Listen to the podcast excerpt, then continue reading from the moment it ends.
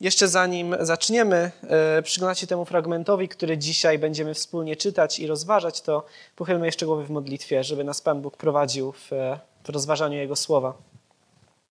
Panie Boże, dziękujemy Ci za to, że gromadzisz nas jako Kościół. Dziękuję Ci za to, że Panie, tak jak e, Twój lud wybrany, Twój Izrael gromadził się kiedyś, Panie, u stóp góry, na którą Ty zstąpiłeś, tak samo, Panie, dzisiaj Ty przechadzasz się pośród nas, Ty działasz w nas i przez nas.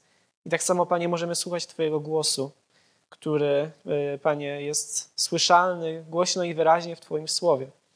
I tak, Panie, prosimy Cię o to, aby ten Twój głos dzisiaj wybrzmiewał, aby, Panie, wybrzmiewał w naszych um, uszach, Panie, abyś dał nam 100% uwagi, kiedy będziemy Ciebie słuchać w Twoim słowie, ale również, Panie, aby ten głos wybrzmiewał na znacznie głębszym poziomie, żeby on brzmiał w naszych sercach.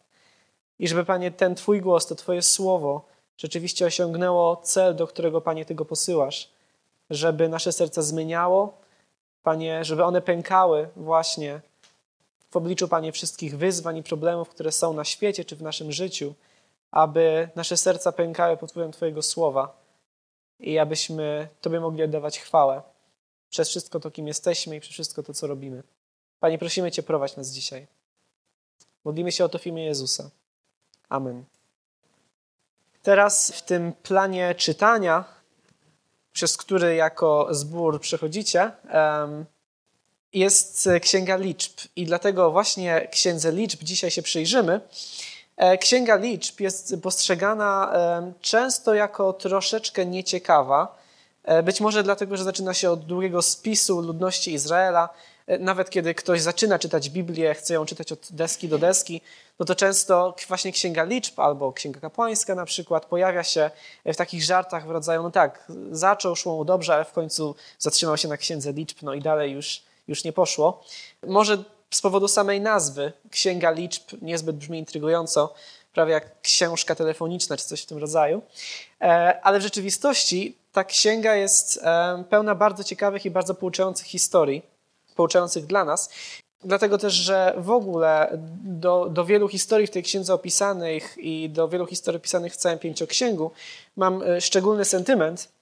Nie tylko dlatego, że one są ciekawe, ale też dlatego, że cała ta wędrówka, i tutaj krótka dygresja, była tematem zeszłorocznego obozu, na którym miałem okazję być w Teodorowie, obozu młodzieżowo-studenckiego. I mówię to nie tylko po to, żeby podzielić się jakimś wspomnieniem, ale żeby gorąco polecić te obozy biblijne w Teodorowie. Jeżeli sami szukacie obozu, na który moglibyście pojechać w wakacje, a jesteście w wieku 12-16, jeżeli chodzi o obóz dla nastolatków, albo znacie osobę, która może chciałaby, może chcielibyście tam wysłać własne dzieci, albo może w nieco starszym wieku studenci i tak dalej. To jest drugi obóz dla studentów i dla młodzieży. Obydwa obozy odbywają się w sierpniu i naprawdę, jeżeli szukacie bardzo fajnego czasu na spędzenie chociaż części wakacji, a przy tym bardzo porządnej dawki poznawania Bożego Słowa, to to jest bardzo, bardzo dobre miejsce. Więc zachęcam i e, jeśli ktoś by chciał się dowiedzieć czegoś więcej, to można się udawać do Aliny, która jest w gronie organizatorów. Tymczasem, e, jeśli chodzi o Księgę Liczb, jeden znajomy, niewierzący, wysłał mi kiedyś taki obrazek, jest to taki mem, dla tych z Was, którzy nie wiedzą, mem to jest taki internetowy obrazek z jakimś śmiesznym podpisem. Więc mamy e, zdjęcie Mojżesza e, z filmu Dziesięcioro Przykazań. Ludzie błąkali się z nim po pustyni 40 lat. Mojżesz, najgorszy nawigator w dziełach ludzkości. Jest to raczej żart niż jakaś poważna krytyka Biblii, no ale rzeczywiście takie pytanie może się pojawić, kiedy, kiedy czytamy Biblię. To znaczy, dlaczego właściwie to zajęło im tyle czasu? Tak? Widzimy tę trasę z, z, no tutaj mamy Kaj i Jerozolimę. W czasach Mojżesza ani jedno, ani drugie miasto tak naprawdę nie istniało w takiej formie, jak, jak dzisiaj istnieją, chociaż coś tam już w Jerozolimie e, się działo. 150 godzin pieszo. Oczywiście biorąc pod uwagę też, że musiały być jakieś przestoje, że to jest potężna grupa ludzi, więc to też nie idzie tak szybko, no ale jednak 150 godzin pieszo, a tutaj nagle 40 lat, więc z czego to wynika? I um, ten fragment, który dzisiaj, e, któremu się dzisiaj przyjrzymy, e, właśnie dokładnie tej sprawy dotyczy. To znaczy, właśnie pokazuje ten najważniejszy powód, dla którego wędrówka z Egiptu do ziemi obiecanej, do Kanaanu, zajęła Izraelowi 40 lat. Prawie pół życia, czy ponad pół życia, jeżeli ktoś e, w tamtych czasach dożył później starości. Więc możemy otworzyć e, nasze Biblię na 13 i 14 rozdziale Księgi Liczb. I te dwa rozdziały, 13 i 14, to jest bardzo, bardzo ważny moment, jeden z najważniejszych momentów w całej wędrówce Izraela z Egiptu do Ziemi Obiecanej, dlatego że te dwa rozdziały opisują jeden z najpoważniejszych buntów Izraela przeciwko Bogu, który ich uwolnił, który ich prowadził. E, jest to bunt bardzo szeroko opisany. Można go porównywać tylko z inną historią, myślę, że lepiej znaną, z historią o Złotym Cielcu, która jest opisana w Księdze Wyjścia. I jest to bunt, który ma najsroższe konsekwencje w całym pięcioksięgu, w całych wszystkich pięciu księgach mojżeszowych. Więc całkiem naturalne jest, że jeżeli chcemy przyjrzeć się Księdze Liczb jako całości, no to temu właśnie fragmentowi powinniśmy się przyjrzeć w pierwszej kolejności. Więc Księga Liczb 13-14 i przeczytam najpierw wersety od pierwszego do dwudziestego. Pan przemówił do Mojżesza tymi słowy. Wyślij zwiadowców do Kanaanu, aby obejrzeli ziemię, którą zamierzam dać synom Izraela. Niech książęta wyślą po jednym przedstawicielu z każdego plemienia. W związku z tym, zgodnie z poleceniem Pana, Mojżesz wysłał zwiadowców z pustyni Paran. Wszyscy posłani byli naczelnikami wśród Izraelitów, a oto ich imiona. Z plemienia Rubena Szamuła, syn Zakura, z plemienia Symeona Szafat, syn Horiego, z plemienia Judy Kaleb, syn Jefunego, z plemienia Isachara Igal, syn Józefa, z plemienia Efraima Hoszea, syn Nuna, z plemienia Benjamina Palti, syn Rafu, z plemienia Zebulona Gadiel, syn Sodiego, z plemienia Józefa, to jest z plemienia Manassesa, Gadi, syn Susiego, z plemienia Dana Amiel, syn Gemaliego, z plemienia Ashera Setur, syn Michaela, z plemienia Naftalego Nachbi, syn Wowsiego, z plemienia Gada Geuel, syn Makiego. To były imiona zwiadowców, których wysłał Mojżesz, chcąc zbadać tę ziemię, a Hoszei, synowi Nuna, nadał wówczas imię Jozue. Wysyłając ich na przeszpiegi do Kanaanu, Mojżesz polecił: Idźcie górą przez Negeb, po czym skierujcie się na pogórze. Zbadajcie, jaka jest ziemia. Czy zamieszkujący ją lud jest silny czy słaby? Czy jest liczny czy nieliczny? Czy ziemia, którą zamieszkuje, jest bogata czy uboga? Czy miasta, w których mieszka, to obozowiska czy warownie? Czy ziemia uprawna jest żyzna czy jałowa? Czy rosną tam drzewa czy nie? Bądźcie przy tym odważni. Przynieście też coś z płodów tej ziemi. A była to właśnie pora dojrzewania winogron. I żeby zrozumieć, co tutaj się dzieje, musimy troszeczkę sobie przypomnieć, co się wydarzyło do tej pory w całej tej historii. Naród izraelski przez setki lat był w niewoli w Egipcie. Był ciemiężony, był niewolony, ta niewola stawała się coraz cięższa i dlatego Bóg, który przed setkami lat złożył swoje obietnice e, praojcom tego właśnie narodu, Abrahamowi, Izaakowi i Jakubowi, teraz w końcu po tych latach niewoli powołuje człowieka, który wyprowadzi ten naród izraelski z Egiptu. I tym człowiekiem, tym wybranym człowiekiem jest Mojżesz. Więc za pośrednictwem Mojżesza Bóg czyni wielkie cuda, zsyła plagi na Egipcjan, zwycięża całą potęgę Egiptu, jego władcę, jego armię, jego bogów i wyprowadza ten swój lud z niewoli. I faraon, pomimo tego, że ugiął się pod tą Bożą ręką, E, stwierdził, że dobrze wypuści ten naród izraelski po ostatniej pladze, którą była śmierć pierworodnych, no to później zmienia zdanie i puszcza się w pogoń za tymi wychodzącymi z Egiptu Izraelitami.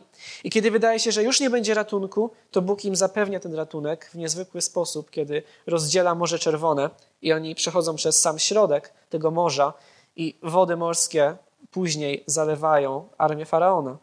I ten Boży naród przychodzi pod świętą górę, pod górę Synaj, na którą Bóg zstąpił, i na tej górze Bóg im nadaje swoje prawo, swoje przykazania. Więc ogłasza im, jak mają żyć, korzystając z tej wolności, którą otrzymali, z tej w końcu odzyskanej wolności.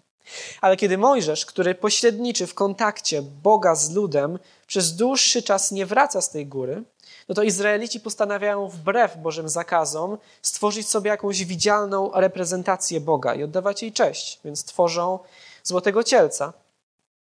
I dzięki wstawiennictwu Mojżesza Bóg e, nie wytraca ich całkowicie za karę, co groził, że uczyni w reakcji na to, co oni zrobili, E, ale ten jeden upadek, ta historia ze Złotym Cielcem, rozpoczyna całą serię upadków i oni nieustannie, pomimo wszystkich dowodów Bożej łaski, Bożej wierności, oni nieustannie okazują się niewierni, oni nieustannie się buntują. A jednocześnie Bóg cały czas nadaje im kolejne przykazania, które mają ich uczynić czystymi i świętymi, które będą mogły sprawić, że Bóg będzie mógł mieszkać pośród nich w świętym miejscu, które zostaje zbudowane również na Boże polecenie, czyli w przybytku, w tym świętym namiocie zgromadzenia, w którym też kapłani mieli składać temu Bogu ofiary. No i tak Izrael się powoli posuwa naprzód. I tak naprawdę większość pięcioksięgu to jest właśnie wędrówka, opisy różnych sytuacji w tej wędrówce, przerywane nadawaniem kolejnych praw i kolejnych przykazań. I posuwają się do przodu, coraz bliżej tego kraju, który przed setkami lat im był obiecany, czyli w kierunku ziemi Kanaan. I w tym momencie, w 13 rozdziale Księgi Liczb, oni dosłownie stoją u progu tej ziemi obiecanej. Minęły około dwa lata od wyjścia z Egiptu. Nie 150 godzin, tak jak widzimy na tej e, mapie, dlatego że mieli bardzo długie przestoje, najdłuższy przestój e, czy postój pod górą Synaj, ale w końcu po około dwóch latach przybywają do granic tej ziemi obiecanej i za chwilę już mają wejść, mają osiągnąć to obiecane dziedzictwo. Ale jednocześnie w Kanaanie mieszkają inne narody, narody wyjątkowo zdeprawowane, pełne przemocy, pełne wszelkiego rodzaju wyuzdania seksualnego, pełne bałwochwalstwa, tak okropnych form bałwochwalstwa jak składanie dzieci w ofierze przez palenie ich żywcem tych, dla tych fałszywych bogów. I na te narody Bóg wydał wyrok. One mają zostać całkowicie usunięte z tej ziemi. Nie po prostu po to, żeby Izrael miał gdzie mieszkać, ale po to, żeby otrzymały karę za to wszystko, za te okropności, w których się pogrążyły. Ale zanim się rozpocznie podbój Kanaanu, zanim oni tam wejdą i zajmą tę ziemię, to Bóg każe im wysłać zwiadowców. Mojżesz wysyła zwiadowców, którzy zbadają tę ziemię zarówno pod względem jej bogactwa, tego czy jest urodzajna, tego czy nadaje się do mieszkania rzeczywiście, żeby oni zobaczyli, że te Boże obietnice y, mają sens i rzeczywiście dotyczą czegoś wspaniałego, ale również mają zbadać tę ziemię pod względem militarnym. Jakie tam są miasta, jakie tam są armie, y, jaki rodzaj podboju um, będzie potrzebny, jak mają przygotować się do walki. Więc Mojżesz wysyła dwunastu zwiadowców po jednym z każdego plemienia Izraela.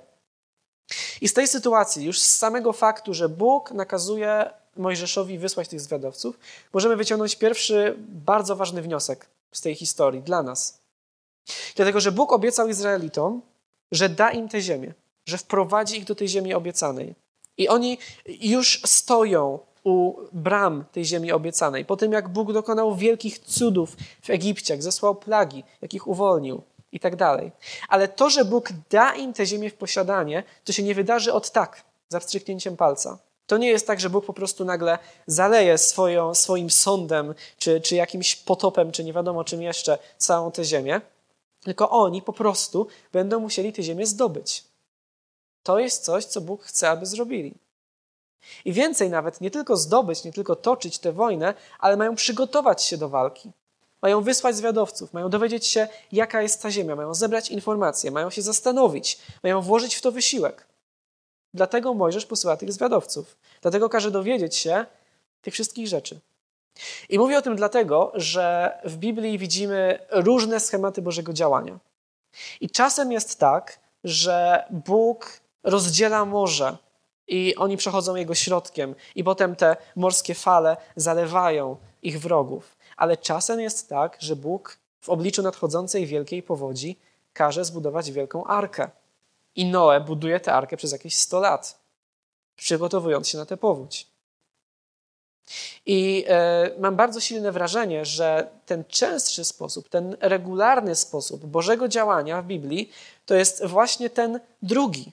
To znaczy, kiedy Bóg powołuje nas do czegoś, kiedy chce, żebyśmy coś osiągnęli, kiedy w jakiś sposób nam swoją wolę objawia, to daje nam moc, wyposaża nas, prowadzi nas tak, ale prowadzi nas do tego, żebyśmy my też włożyli w coś wysiłek, żebyśmy my też działali, żebyśmy my też coś robili.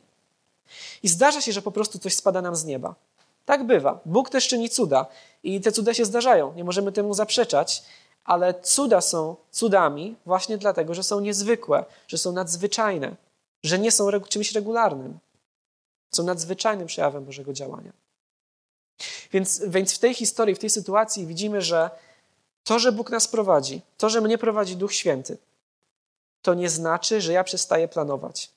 To nie znaczy, że ja przestaję myśleć. To nie znaczy, że wyłączam wkładanie w to wszystko wysiłku. To nie znaczy, że, że, że to moje działanie się nie liczy.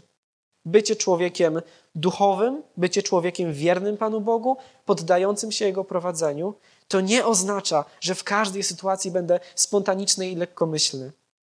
Bycie człowiekiem duchowym oznacza, że w oparciu o tę Jego moc i, i poznanie Jego woli myślę i działam. Ale myślę i działam właśnie w oparciu o zupełnie inną perspektywę niż ludzie niewierzący. Działam tak samo, ale jednocześnie działam zupełnie inaczej. I o tej innej perspektywie tekst nam powie za chwilę więcej. Więc możemy czytać dalej, wersety 21 do końca rozdziału, do 33. Zwiadowcy poszli więc i obeszli Kanaan od pustyni Syn, aż po Rechob przy Hamat. Udali się górą przez Negeb i doszli do Hebronu, gdzie mieszkali Achiman, Szeszaj i Talmaj, potomkowie Anaka. Hebron zaś został zbudowany siedem lat wcześniej niż Soan w Egipcie. Po drodze dotarli aż do doliny Eszkol, gdzie ucięli gałąź winorośli z jedną kiścią winogron, którą musieli we dwóch nieść na drążku. Zabrali także trochę jabłek, granatu i fig. Miejsce to Izraelici nazwali Doliną Eszkol z powodu kiści winogron, którą tam ucięli. Ze swojej zwiadowczej wyprawy do ziemi Kanaan wrócili po czterdziestu dniach. Po powrocie udali się też do Mojżesza i do Aarona, stanęli też przed całym zgromadzeniem Izraelitów w Kadesz na pustyni Paran. Tam zdali im sprawę, im oraz całemu zgromadzeniu. Pokazali także płody ziemi, które ze sobą przynieśli. Opowiedzieli Mojżeszowi wszystko po kolei. Przyszliśmy do ziemi, do której nas wysłałeś i przekonaliśmy się, że rzeczywiście opływa ona w mleko i miód. Zobacz, to jej owoce. Jednakże lud mieszkający w tej ziemi jest silny. Miasta są obwarowane i bardzo wielkie. Widzieliśmy tam także potomków Anaka. W ziemi Negeb mieszkają Amalekici, Hetyci, Jebuzyci i Amoryci zamieszkują góry, a Kananejczycy mieszkają nad morzem, a także wzdłuż Jordanu. Na tę wieść lud oburzył się na Mojżesza, także Kaleb zaczął uciszać niezadowolonych. Najedziemy tę ziemię odważnie, przekonywał, i zdobędziemy ją. Na pewno zdołamy ją zdobyć. Jednak zwiadowcy, którzy jak Kaleb brali udział w wyprawie, twierdzili, nie poradzimy sobie z tym ludem, jest on od nas silniejszy. W ten sposób rozpuszczali wśród Izraelitów złą wieść o ziemi, którą przemierzyli. Ziemia, w której byliśmy na zwiadach, mówili, to ziemia niebezpieczna dla tych, którzy chcieliby w niej zamieszkać. Jej mieszkańcy to mężczyźni rośli. Widzieliśmy tam także olbrzymów, potomków Anaka, wywodzących się od olbrzymów. Wobec nich wydawaliśmy się sobie jak szarańcza i tacy byliśmy w ich oczach. Więc zwiadowcy udają się w głąb ziemi Kanaan, przebywają około 350 kilometrów pieszo, docierają aż do Hebronu na północy. Hebron to było ważne miejsce, dlatego że tam byli pochowani patriarchowie, czyli właśnie ci praojcowie, którym Bóg obiecał, że ich potomkowie kiedyś będą mieli całą tę ziemię na własność. Jednak teraz w Hebronie mieszkają, jak czytamy, potomkowie Anaka, ludzie wyjątkowo dużego wzrostu, którzy pojawiają się w tekście jeszcze dwa razy. E, nie tylko ludzie bywają duzi w Kanaanie, również owoce w Kanaanie są bardzo duże, dlatego zwiadowcy niosą e, owoce, żeby pokazać Mojżeszowi, niosą tę kiść winogron, która jest tak ciężka, że muszą ją nieść we dwóch. Więc przybywają, żeby złożyć raport i składają ten raport, ale e, potwierdzają, że, że ta ziemia jest bardzo dobra, że ona naprawdę płynie mlekiem i miodem i tak dalej, ale jednocześnie dzieje się rzecz zupełnie zdumiewająca, dlatego że z tych dwunastu zwiadowców, którzy wyruszyli, dziesięciu zwiadowców zaczyna um, zniechęcać cały lud izraelski do wejścia do tej ziemi. Zaczyna publicznie zniechęcać pozostałych Izraelitów do podboju. E, w tych wersetach 28-29 oni mówią, lud mieszkający w tej ziemi jest silny, miasta są obwarowane, bardzo wielkie. E, potem 31. Nie poradzimy sobie z tym ludem, jest on od nas silniejszy. I dalej, 32 werset. Ziemia, w której byliśmy na zwiadach, to ziemia niebezpieczna dla tych, którzy chcieliby w niej zamieszkać. i tak dalej. Więc um, oni mają taką perspektywę, ale jeden ze zwiadowców ma perspektywę zupełnie inną. Potem czytamy też o tym, że Jozue y, jest po jego stronie, po stronie Kaleba. Więc Kaleb z plemienia Judy mówi, najedziemy tę ziemię odważnie, 30 werset, i zdobędziemy ją, na pewno zdołamy ją zdobyć. I no właśnie, po jego stronie też się pojawia Jozue z plemienia Efraima. Ten Jozue, on się już pojawiał nieraz w historii wędrówki z Egiptu, jako jeden z przywódców wojskowych w Izraelu, jako sługa Mojżesza i w końcu, już wybiegając w przyszłość, on się też potem stanie następcą Mojżesza. I on będzie tym, który za wiele lat e, wprowadzi Izrael do tej ziemi obiecanej i dokona tego podboju. I od jego imienia jest nazwana właśnie Księga Jozuego. No ale tymczasem to, co się dzieje, tych dziesięciu zniechęconych, przerażonych zwiadowców mówi coś bardzo ciekawego o mieszkańcach y, ziemi Kanaan. 32-33 werset. Jest powiedziane, jej mieszkańcy to mężczyźni rośli. Widzieliśmy tam także olbrzymów, potomków Anaka, wywodzących się od olbrzymów. Wobec nich wydawaliśmy się sobie jak szarańcza i tacy byliśmy w ich oczach. I oczywiście możemy się domyślać, że to, co oni tutaj mówią, to jest troszeczkę wyolbrzymienie, że oni przesadnie podkreślają, jak to jest w zwyczaju mieszkańców Bliskiego Wschodu, podkreślają, jak bardzo duża była ta różnica między mieszkańcami tej ziemi a nimi. Ale tak czy inaczej, jest powiedziane, że ci potomkowie Anaka, którzy pojawiają się też w różnych innych miejscach w Biblii, e, byli olbrzymami, że oni wywodzili się od olbrzymów. I tutaj w języku hebrajskim występuje słowo, które jest tylko w dwóch miejscach w Biblii. Tutaj i jeszcze jednym, za chwilę powiem jakim. To jest słowo nefilim, które dosłownie znaczy upadli. Dosłownie znaczy upadli, ale Żydzi już w starożytności tłumaczyli to jako olbrzymi. I to słowo pojawia się no właśnie tutaj i w jeszcze jednym miejscu. Najpierw w Księdze Rodzaju, w szóstym rozdziale przed potopem, gdzie jest powiedziane, że w taki dość tajemniczy sposób powiedziane, że synowie Boga brali sobie za żony córki ludzkie i z, tego, z tych związków nienaturalnych rodzili się właśnie ci nefilimi, ci olbrzymi.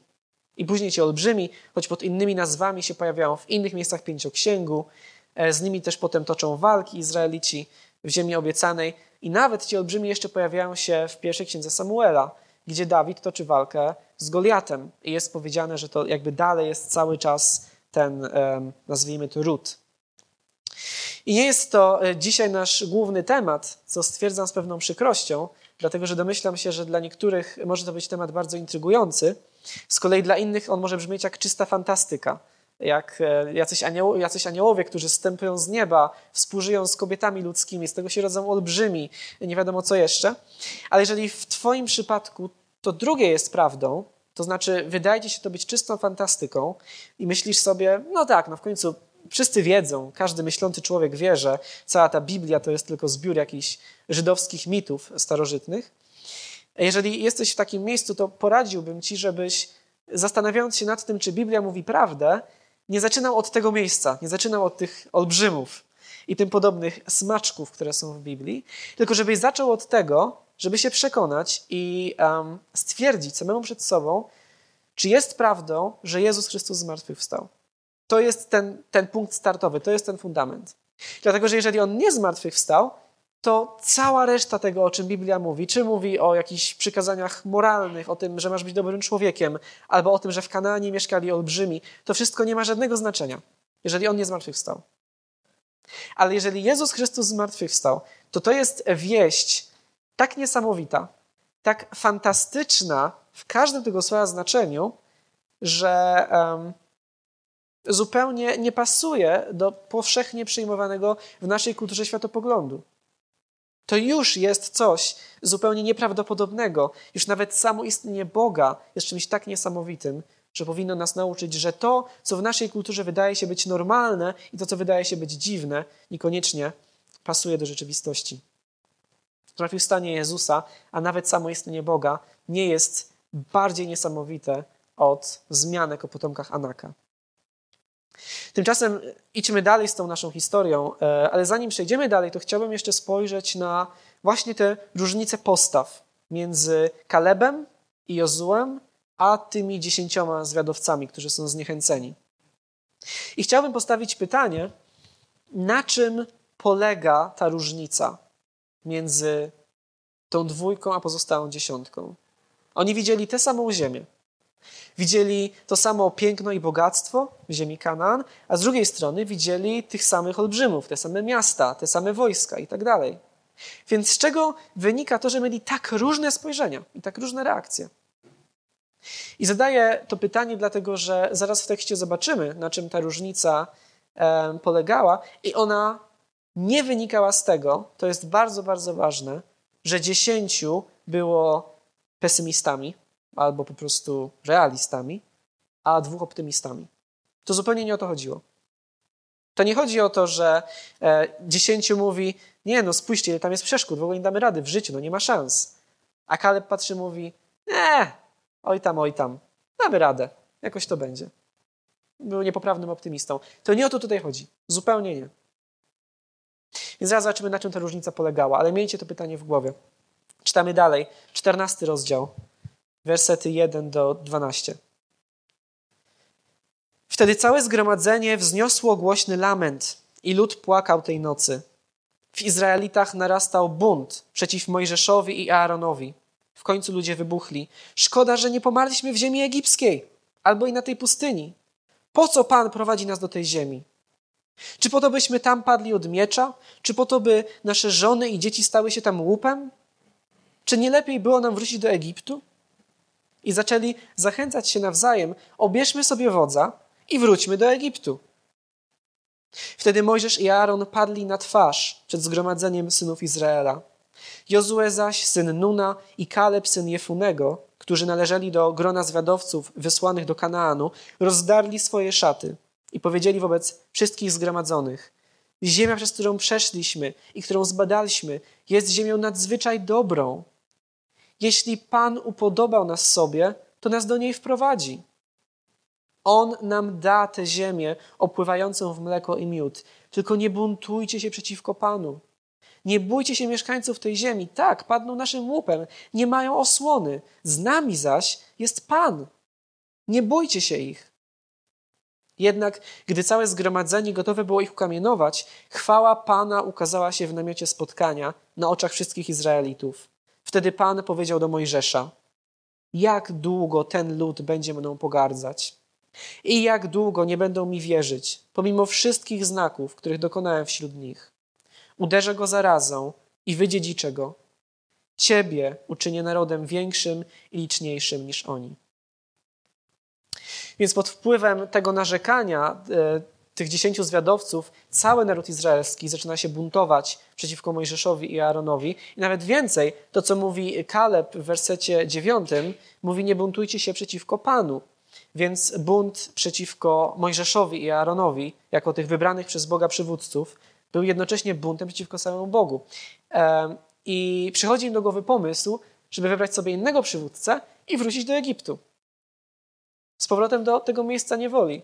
I oskarżają Mojżesza, oskarżają samego Boga o to, że tak naprawdę po prostu on jest złośliwy, chce ich pozabijać w tym Kanaanie i wpadają na najbardziej absurdalny ze wszystkich pomysł, żeby wrócić tam, skąd przyszli. I wiecie, ile razy czytam tę historię, to za każdym razem niezmiennie przez lata zdumiewam się tą głupotą i absurdalnością tego, co oni tutaj myślą i co oni chcą zrobić. Więc oni 400 lat przebywali w Egipcie. Byli gnębieni, byli wykorzystywani, byli nawet mordowani. Już pod sam koniec faraon miał ich za nic, ale ich Bóg ujął się za nimi, posłał Mojżesza, uratował ich, pokonał Egipcjan, przeprowadził przez środek morza e, nie dalej niż dwa lata wcześniej, niż to, co teraz tutaj czytamy. Okazał swoją chwałę na górze Synaj w tak widowiskowy sposób, że cała góra drżała i oni drżeli razem z tą górą z przerażenia. Ale później, pomimo ich grzechów, Bóg prowadził ich, opiekował się nimi, dawał im mannę na pustyni każdego dnia, dawał im przepiórki, kiedy chcieli mięsa, dawał im wody i tak dalej. I po tym wszystkim ich zwiadowcy widzą obwarowane miasta w Kanaanie i mówią, nie no, teraz to już nie damy rady. To już jest za dużo. Tutaj Boża Wszechmoc ma granice. Temu już Pan Bóg nie podoła. To już jest za dużo. Nie damy rady. Złamać potęgę Egiptu, przejść przez, przeprowadzić nas przez Morze Czerwone, przez sam środek, zaopatrywać w mannę przez cały pobyt na pustyni, no to jeszcze da radę, ale to, to już jest za dużo.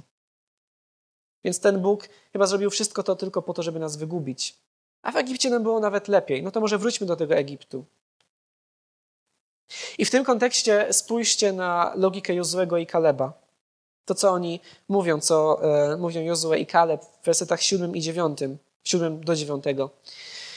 Jeszcze raz przeczytam. Ziemia, przez którą przeszliśmy i którą zbadaliśmy, jest ziemią nadzwyczaj dobrą. Jeśli Pan upodobał nas sobie, to nas do niej wprowadzi. On nam da tę ziemię opływającą w mleko i miód. Tylko nie buntujcie się przeciwko Panu. Nie bójcie się mieszkańców tej ziemi. Tak, padną naszym łupem, nie mają osłony, z nami zaś jest Pan. Nie bójcie się ich. Więc jeśli Pan nas sobie upodobał, jeśli my znamy Jego wolę, jeśli On jest po naszej stronie, to zdobędziemy tę ziemię. Kropka. Po prostu. To jest dla nich tak proste. Może będziemy musieli się bić z całą armią olbrzymów. To jest nieważne. Jeżeli to jest Boża wola, jeżeli to jest Boży plan, jeżeli On jest po naszej stronie, to to się uda. Po prostu. Możemy być pewni, że zwycięstwo będzie nasze. Więc nie chodzi o to, że Kaleb i Jozue byli niepoprawnymi optymistami, patrzyli na przeciwności i mówili, a, damy radę. To, to zupełnie nie jest ta postawa. Ani też nie wyobrażali sobie, że Bóg spełni każdą ich zachciankę i oni pokonają każdą armię na świecie. Nie mieli jeszcze wtedy listu do Filipian, z którego mogliby wyrywać z kontekstu słowa wszystko mogę w tym, które mnie umacnia. Nie, oni po prostu znali Bożą wolę. Oni po prostu znali Boże obietnice, oni znali Boży plan. Wiedzieli, że cokolwiek Bóg zechce zrobić, to zrobi. I go nic nie powstrzyma. I widzieli wielkie miasta, i widzieli olbrzymów, widzieli to wszystko, ale oczyma wiary widzieli o wiele wyraźniej tego swojego potężnego Boga. Tymczasem zwiadowcy patrzyli tylko oczyma ciała i pociągnęli w tej swojej niewierze w kierunku buntu wszystkich Izraelitów. Więc różnica między Kalebem i Jozłem, a pozostałymi dziesięcioma, to nie jest różnica między optymistami a pesymistami, tylko to jest różnica między ludźmi, którzy ufają Bożym obietnicom, a ludźmi, którzy trwają w niewierze, którzy patrzą tylko po ludzku. I wiecie, możemy zdumiewać się głupotą Izraelitów, ale pytanie brzmi, jak to jest z nami dzisiaj. I zadaję to pytanie, dlatego że apostoł Paweł w liście do Koryntian, pierwszym, dziesiątym rozdziale, napisał o tym, że wszystko to, co zostało napisane, zostało napisane dla przykładu, dla nas, ku przestrodze, żebyśmy my wyciągali z tego wnioski na temat naszego życia z Chrystusem, tu i teraz, w naszych czasach. Dlatego, że jeśli jesteśmy chrześcijanami, jeśli Bóg wyprowadził nas jeśli przeżyliśmy nawrócenie, to i nas Bóg wyprowadził z niewoli, z niewoli grzechu, z niewoli sądu, z niewoli śmierci. I nam też zapewnił ratunek przez wodę, nie przez wody Morza Czerwonego, ale przez wodę chrztu. I tak jak przemówił do Izraela i dał im swoje prawo, tak samo nam pozwala słuchać swojego słowa i poznawać je i znać Jego wolę coraz lepiej. I my również zmierzamy do tej ziemi obiecanej, do miejsca, w którym spotkamy się z naszym Panem. Ale póki jesteśmy w drodze, to tak często nam się zdarza zapominać o wszystkim, czego ten Bóg dla nas dokonał. Dlatego, że zostaliśmy uwolnieni tak samo jak Izraelici, nie po to, żeby teraz um, po prostu mieć przebaczenie i robić wszystko po swojemu, ale żeby z tej wolności korzystać po to, żeby Jemu służyć. Po to to jest. To jest ten cel. Tymczasem każdy grzech, każde zwątpienie to jest jakby westchnięcie w stronę Egiptu. To jest jakby obrócenie głowy w tamtym kierunku, za tą niewolą, z której wyszliśmy. I dziwimy się, jak Izraelici e, mogli mieć tak krótką pamięć, ale jakże często my sami jesteśmy świadkami takich sytuacji.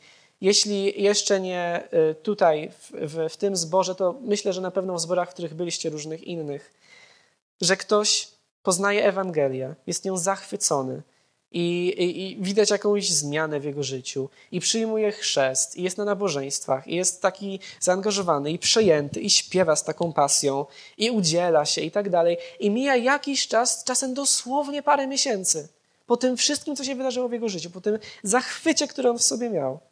I coś się zmienia. I widzimy tę osobę coraz rzadziej, i jakoś tak nie chce mówić o swoim życiu, o tym, co tam się w nim dzieje, i w końcu się dowiadujemy, że, że spakowała manatki i wróciła do Egiptu, mówiąc obrazowo. Chociaż może w naszej rzeczywistości należałoby powiedzieć, że czasem wróciła do Rzymu, albo czasem po prostu błąka się po jakichś bezdrożach, żadnego konkretnego poglądu na, na Boga i na życie, tylko po prostu płynie z prądem kultury, która jest dookoła. Więc bracie i siostro, jeżeli słuchasz dzisiaj tych słów, jeżeli doświadczyłeś tego Bożego działania w swoim życiu, jeżeli Bóg Ciebie nawrócił, jeżeli Bóg Ciebie umieścił w ciele Chrystusa, w Kościele, ale coś Cię ciągnie do tej niewoli, z powrotem do tej niewoli w Egipcie, bo tam było lepiej, nie wracaj tam. Nie daj sobie tego wmówić. Nie daj sobie wmówić, że tam było tak wspaniale, bo były ogórki i dynie, i pory, i cebule, i czosnek, tak jak w innym miejscu w Księdze Liczb, parę rozdziałów wcześniej. Izraelici wspominają, jakim było wspaniale w Egipcie. Tam była tylko niewola. Ty masz iść dalej, do tego miejsca obiecanego z Chrystusem, dlatego że do tego miejsca Bóg cię doprowadzi, jeżeli będziesz iść z Nim. Nie zapominaj o tym, co Bóg już w Twoim życiu zrobił. Wracając do tekstu, w tym krytycznym momencie, którym oni już chcą ukamienować tych e, Kaleba i Jozłego, może również Mojżesza i Aarona, Bóg w krytycznym momencie wkracza do akcji i przemawia do Mojżesza. I mówi w zasadzie to samo, co mówił już w sytuacji z Złotym Cielcem. Wersety 11 i 12. Jak długo ten lud będzie mną pogardzać i jak długo nie będą mi wierzyć, pomimo wszystkich znaków, których dokonałem wśród nich. Uderzę go zarazą i wydziedziczę go, ciebie, znaczy ciebie Mojżeszu, uczynię narodem większym i liczniejszym niż oni. I Mojżesz odpowiada Bogu w modlitwie. Więc przeczytajmy teraz wersety 13 do 38. Lecz Mojżesz odpowiedział Panu: Gdy Egipcjanie o tym usłyszą, bo przecież wywiodłeś ten lud w swojej mocy spośród nich, przekażą to mieszkańcom tej ziemi, a ci już usłyszeli, że Ty, Panie, jesteś pośród tego ludu, że Ty, Panie, ukazujesz mu się oko w oko, że Twój obłok stoi nad nim, że w słupie obłoku kroczysz przed nim za dnia, a w słupie ognia nocą. Jeśli więc wygubisz ten lud do ostatniego człowieka, to narody, które słyszały wieść o Tobie, stwierdzą, ponieważ Pan nie był w stanie wprowadzić tego ludu do ziemi, którą im przysiągł, to wy, wybił go na pustyni. Proszę więc, niech się teraz okaże moc mojego Pana. Niech się okaże to, co oznajmiłeś w słowach: Pan jest powściągliwy w gniewie i wielce łaskawy. Przebacza winę i przestępstwo, nigdy nie pozostawia bez kary, lecz nawiedza winę ojców na synach do trzeciego i do czwartego pokolenia. Przebacz, proszę, winę tego ludu według wielkości Twojej łaski, jak już odpuszczałeś temu ludowi od, od czasu jego wyjścia z Egiptu aż dotąd. A Pan powiedział: Przebaczyłem według Twego słowa. Ale jak żyje i jak cała ziemia jest pełna chwały Pana, żaden z tych ludzi, którzy widzieli moją chwałę i moje znaki, to czego dokonywałem w Egipcie i na pustyni, a już po dziesięciokroć wystawiali mnie na próbę i nie słuchali mojego głosu, nie zobaczy ziemi, którą przysiągłem ich ojcom. Nie zobaczy jej żaden z tych, którzy mnie znieważyli. Jednak mojego sługę Kaleba, za to, że jest z nim inny duch i bez reszty obstawał za mną, wprowadzę do ziemi, do której poszedł i jego potomstwo ją posiądzie. Skoro więc Amalekici i Kananejczycy mają mieszkać w dolinie, zawróćcie jutro i wyruszcie na pustynię, w drogę ku Morzu Czerwonemu. Pan przemówił ponadto do Mojżesza i Aarona tymi słowy: Jak długo jeszcze będzie to niegodziwe zgromadzenie szemrać przeciw mnie? Słyszałem narzekających synów Izraela. Wiem, jak szemrają przeciw mnie. Powiedz im, jak żyje, oświadcza Pan, spełnię wam to, o czym mówiliście w mojej obecności. Na tej pustyni padną wasze trupy. I wszyscy spisani spośród was w pełnej liczbie od dwudziestego roku życia wzwyż, wszyscy, którzy szemraliście przeciw mnie, nie wejdziecie do ziemi, co do której przysiągłem, że osiedlę was w niej, za wyjątkiem Kaleba, syna Jefunego, i Jozłego, syna Nuna. Za to wasze dzieci, o których mówiliście, że staną się łupem, te wprowadzę. I one przejmą na własność tę ziemię, którą wy pogardziliście. Wy zaś padniecie trupem na tej pustyni. Co do waszych synów, pozostaną oni pasterzami na pustyni przez czterdzieści lat. Ponosić będą karę za waszą niewierność aż wszyscy, co do jednego, padniecie trupem na tej pustyni. Ile trwał zwiat w tej ziemi, a trwał czterdzieści dni, tyle też, licząc dzień za rok, a więc czterdzieści lat, ponosić będziecie karę za wasze winy i doznacie mojej niechęci.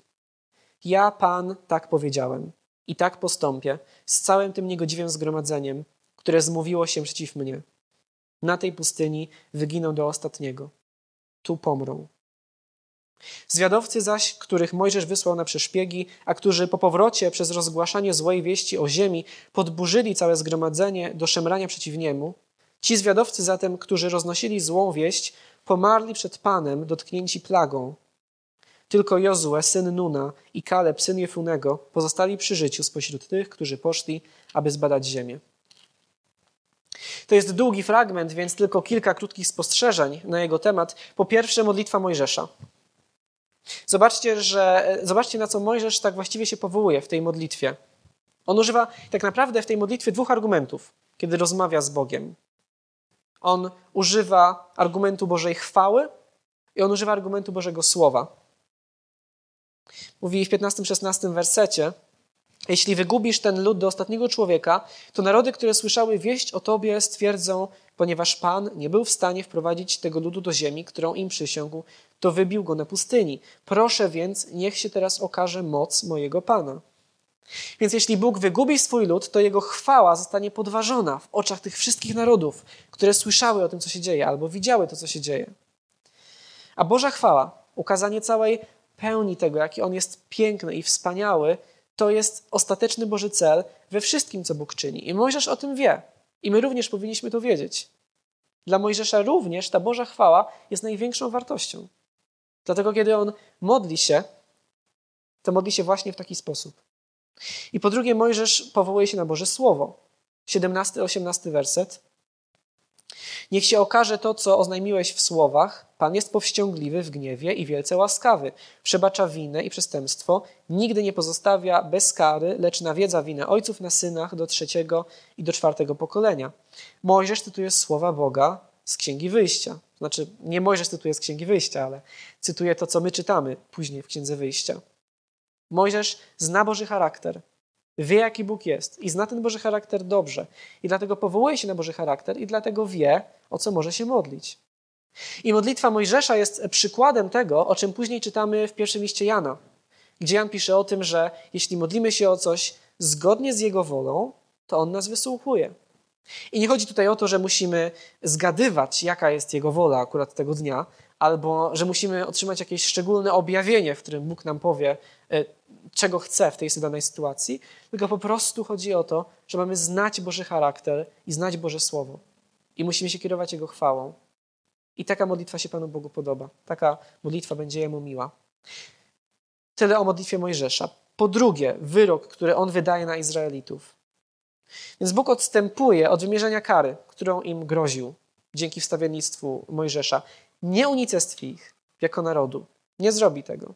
Ale jednocześnie to nie oznacza, że nie będzie konsekwencji. Konsekwencje będą i to bardzo poważne. Poważniejsze niż wszystkie, jakie były do tej pory w całej tej historii. Dlatego, że całe to pokolenie, całe pokolenie, które stanęło u granic ziemi obiecanej, nie wejdzie do niej na własne życzenie, można by powiedzieć mają zawrócić w kierunku pustyni, w kierunku Morza Czerwonego. Całe to pokolenie musi wymrzeć. I Bóg tutaj mówi o wszystkich powyżej 20 roku życia, dlatego że to właśnie nich dotyczył spis, który się odbył na początku tej księgi, tam gdzie były wszystkie te liczby, stąd księga liczb. E, właśnie ci mieli walczyć w tej ziemi obiecanej. I właśnie o nich Bóg mówi, dlatego że odmówili tej walki i dlatego zostają skazani na dożywocie na pustyni. Jozue i Kaleb oraz dzieci tych wszystkich Izraelitów tam wejdą, ale cała reszta nie.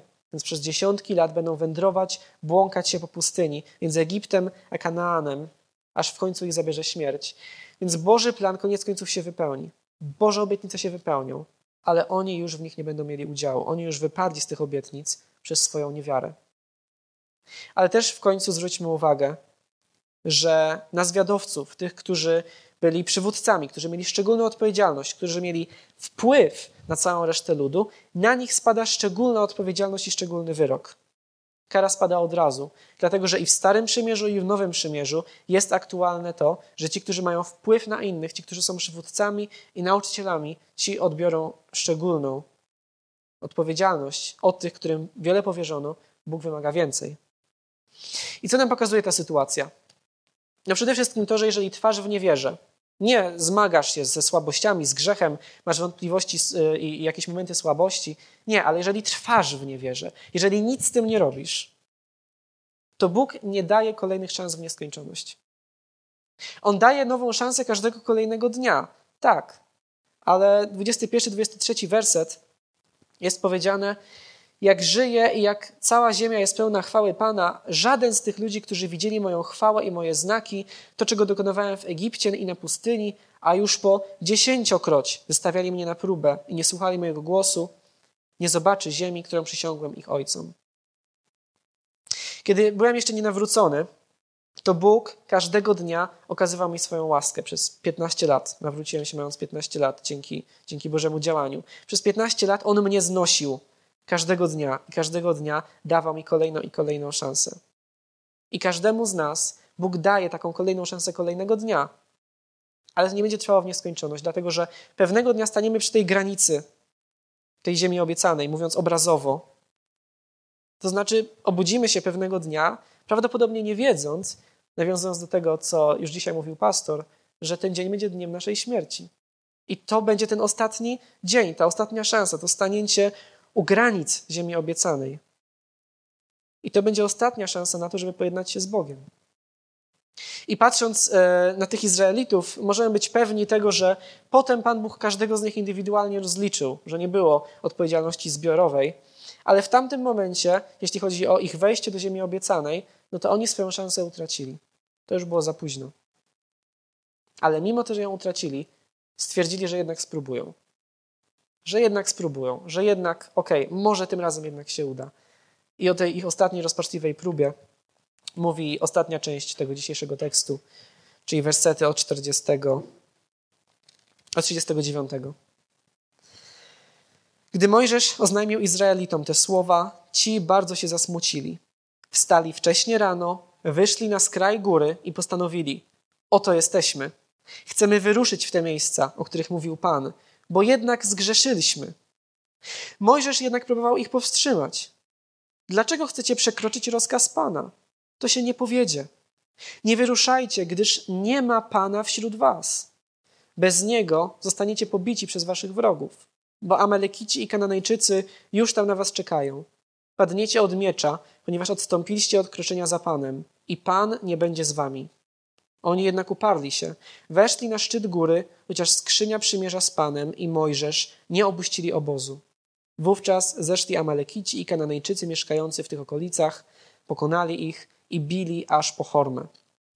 I to był naprawdę dość długi dystans, który Kananejczycy gonili za tymi wojskami Izraela. Więc widzimy tutaj coś, co można by nazwać nawróceniem, opamiętaniem. Tak? Oni słyszą ten Boży wyrok, stwierdzają, no tak, zgrzeszyliśmy, zrobiliśmy coś złego. No ale teraz chcemy to naprawić. Bóg wydał wyrok, no ale my teraz jednak chcemy wszystko poskładać w jakąś całość. Ale cały problem polega na tym, że oni chcą to zrobić o własnych siłach. W oparciu o swoje własne pomysły, jak to powinno wyglądać. Na swoich własnych warunkach. I wydaje się, że oni chcą uporządkować swoje życie, ale w rzeczywistości to jest nic innego jak kolejny przejaw nieposłuszeństwa. Wpadają w drugą skrajność. Wtedy Bóg był z nimi, ale oni nie chcieli walczyć. Teraz Boga z nimi nie ma, ale oni stwierdzają: Dobra, idziemy na Kananejczyków, na pewno się uda. I dlatego są skazani wyłącznie na swoje własne możliwości. I dlatego, jak się można było spodziewać, jako że ich możliwości były dość mierne, ponoszą porażkę. I te dwie sytuacje, ta, w której oni mieli ruszyć na Kananejczyków, ale przerazili się tym, co widzieli, zapomnieli o tej perspektywie Boga, który ich prowadził, jak i ta sytuacja, w której lekkomyślnie ruszyli na, na Kananejczyków, e, żeby naprawić ten swój błąd.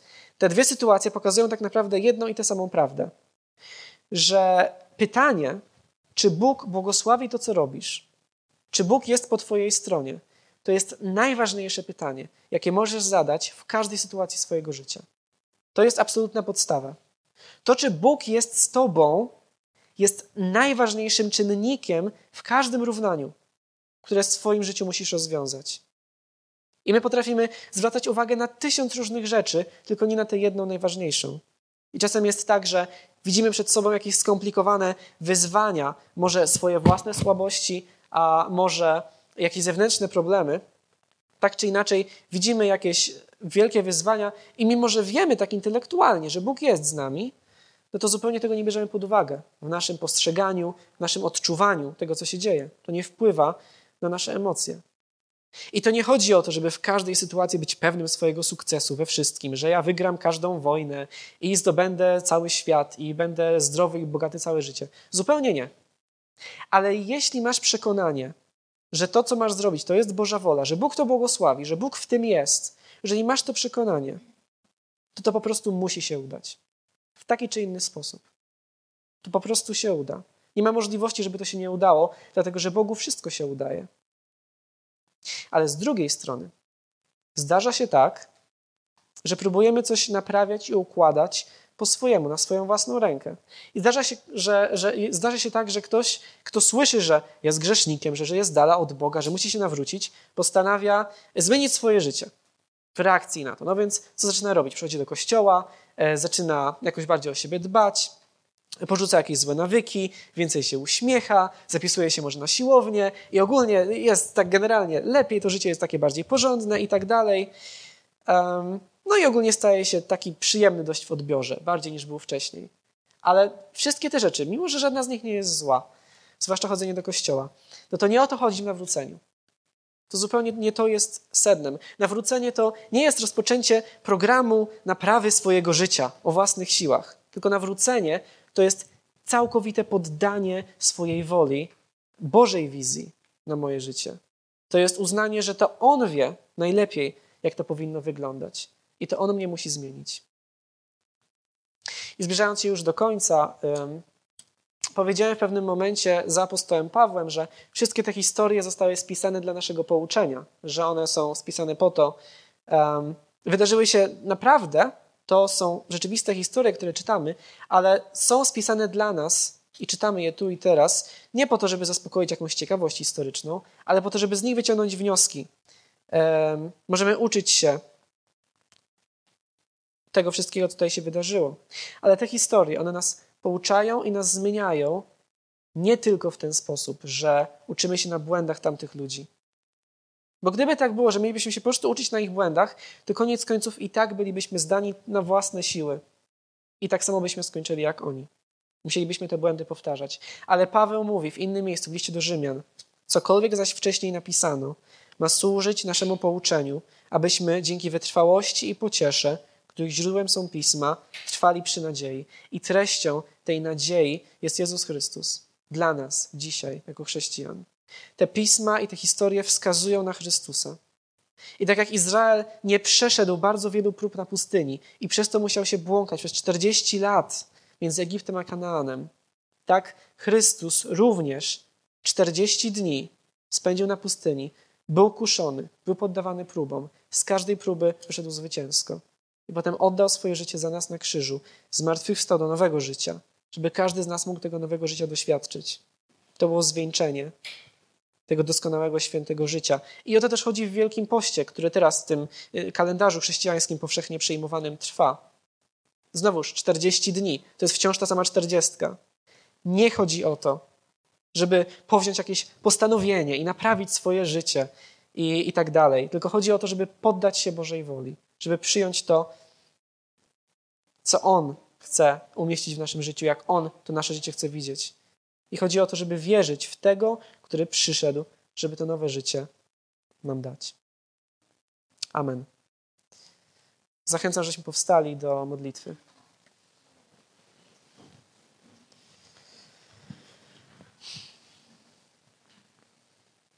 Panie Boże, dziękujemy Ci za Twoje słowo, które nawet jeśli opisuje bardzo smutne sytuacje, Panie, jeżeli opisuje historię porażki, um, buntu i kary, to mimo to, Panie, jest dla nas źródłem nauki, zbudowania, um, pouczenia, ale też, Panie, jest źródłem nadziei, dlatego że tam, gdzie Izrael poniósł porażkę, tam Jezus Chrystus zwyciężył.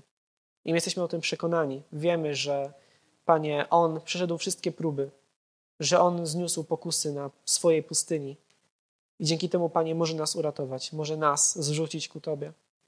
I Panie, modlimy się za wszystkich nas tutaj zgromadzonych, żebyśmy wszyscy trwali przy Tobie i żeby ta perspektywa, że Ty jesteś z nami, o ile jesteś, Panie, w tym, co robimy, żeby to ona kształtowała nasze odczuwanie, nasz odbiór, naszą wiarę. Żebyśmy, Panie, nie patrzyli tylko oczami ciała, ale z drugiej strony, abyśmy też nigdy nie próbowali naprawiać swojego życia po swojemu, na swoich zasadach, tylko żebyśmy zawsze poddawali się Tobie. I Panie Boże, daj, aby w tym nadchodzącym tygodniu ta perspektywa, że Ty jesteś z nami pośród nas, że Ty jesteś Bogiem z nami w Jezusie Chrystusie, żeby to ona sprawiała, że będziemy pełni wiary i cokolwiek, Panie, będzie Twoją wolą, to będziemy pełnić na Twoją chwałę. Modlimy się o to w imię Jezusa Chrystusa. Amen.